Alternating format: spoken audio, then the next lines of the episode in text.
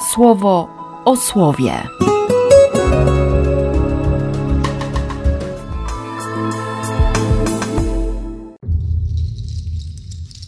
Dwudziesty siódmy lipca, środa. Takie narzekanie prorockie. Jakże mnie szczęśliwy. Matko, po co mnie takim urodziłaś? Nikomu nie jestem potrzebny, od nikogo nie doznaję wsparcia.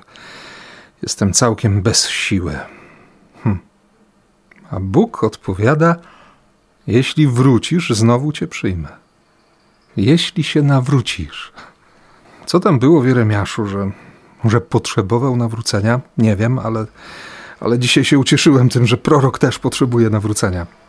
Że naprawdę i prorocy potrzebują łaski, potrzebują zmiany myślenia, że nie zawsze słuchają Boga. Takie to pocieszające, że są ludźmi, że księża są ludźmi i tak dalej, i tak dalej. To oczywiście nie uprawnia do zaprzyjaźnienia się z grzechem, ale, ale pokazuje, że każdy z nas jest słaby, kruchy, jak te naczynia z gliny, o których pisał święty Paweł. A z drugiej strony Królestwo Niebios podobne jest do skarbu, podobne jest również do kupca poszukiwacza pięknych pereł. Tak, y, Ewangelia jest perłą. Przyjaźń z Chrystusem jest skarbem. Ale z drugiej strony to Bóg tak na nas patrzy. Na ciebie i na mnie jesteśmy skarbem w oczach Boga. Jesteśmy perłą, której szuka. Rozgrzebie ziemię, wyciągnie z grobu. Zrobi wszystko, autentycznie i absolutnie wszystko, żeby nas zbawić. Cieszę się, że dzisiaj znów tego doświadczyłem, że znów przekonałem się o zbawieniu, o tym, że to zbawienie jest dla mnie, że On mnie wydobył z grobu.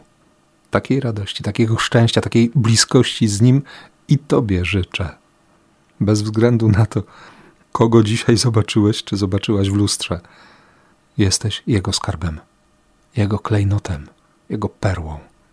I On nie zmieni zdania, choćby nie wiadomo co. I On nie zrezygnuje. On nie przestanie nas kochać.